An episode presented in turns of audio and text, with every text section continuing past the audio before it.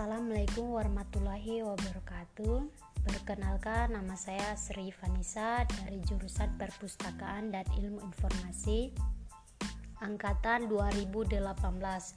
Di sini saya akan memaparkan materi yang berjudul Sistem Informasi Perpustakaan Digital yang di mana sistem informasi itu adalah suatu sistem yang menerima masukan data dan instruksi, mengolah data sesuai instruksi dan mengeluarkan hasilnya. Konsep sistem informasi perpustakaan yaitu suatu rangkaian proses yang saling terkait antar komponen mulai dari kegiatan penghimpunan, organisasi informasi, penyimpanan informasi, penelusuran informasi, pelestarian informasi, dan diseminasi informasi dalam rangka mencapai tujuan perpustakaan. Konsep sistem informasi perpustakaan terbagi menjadi lima. Satu, perangkat keras, yang di mana perangkat keras ini peranti atau perlengkapan yang terdiri atas komputer perangkat jaringan, server, dan saluran internet. 2. Perangkat lunak. Perangkat lunak yang mendukung semua fungsi perpustakaan dikenal dengan otomasi perpustakaan. Yang ketiga, data. Isi dari sistem informasi perpustakaan merupakan koleksi perpustakaan yang dapat berupa informasi bibliografi dari koleksi atau file hasil alih media Koleksi tersebut dapat berupa buku, majalah, atau serial hasil penelitian, tesis, skripsi, laporan, dan lainnya atau dalam bentuk koleksi lain yang spesifik seperti naskah kuno, koleksi foto, lukisan, dan multimedia. Setiap koleksi mempunyai informasi bibliografi yang berbeda sehingga berpengaruh pada struktur data yang dimilikinya. 4. Prosedur Langkah-langkah yang perlu dilakukan secara bertahap dalam pengelola informasi perpustakaan.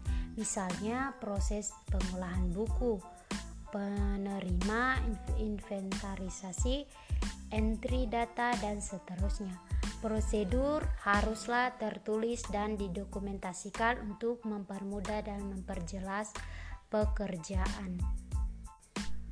5. Brainware atau SDM. SDM berarti semua pengguna atau pengunjung perpustakaan termasuk operator dan perpustakaan itu sendiri harus mengetahui secara detail terkait sistem yang dimiliki. Contohnya seperti pada pengelolaan, pencarian, penggunaan komputer, dan lain-lain. Berkembangnya teknologi informasi mempengaruhi keberadaan perpustakaan saat ini dimulai dari perpustakaan tradisional, semi tradisional hingga perpustakaan digital. Hal tersebut menuntut keberadaan perpustakaan untuk berkembang pesat dari waktu ke waktu sebagai pelaku per perubahan. Dikatakan demikian karena perpustakaan merupakan tempat berbagai informasi tersimpan pun sesungguhnya embrio intelektual diciptakan. Keberadaan perpustakaan digital memudahkan masyarakat dalam mengakses informasi yang diperlukan dengan bermodalkan komputer atau laptop dan akses internet. Perubahan ini memunculkan pertanyaan, apakah dengan adanya perpustakaan digital dapat menggantikan perpustakaan konvensional? Baiklah, kita bisa lihat, kita akan melihat dari fungsi perpustakaan yang menjadi dasar gerak perkembangan perpustakaan yang dijabarkan oleh Sulistyo Basuki 1991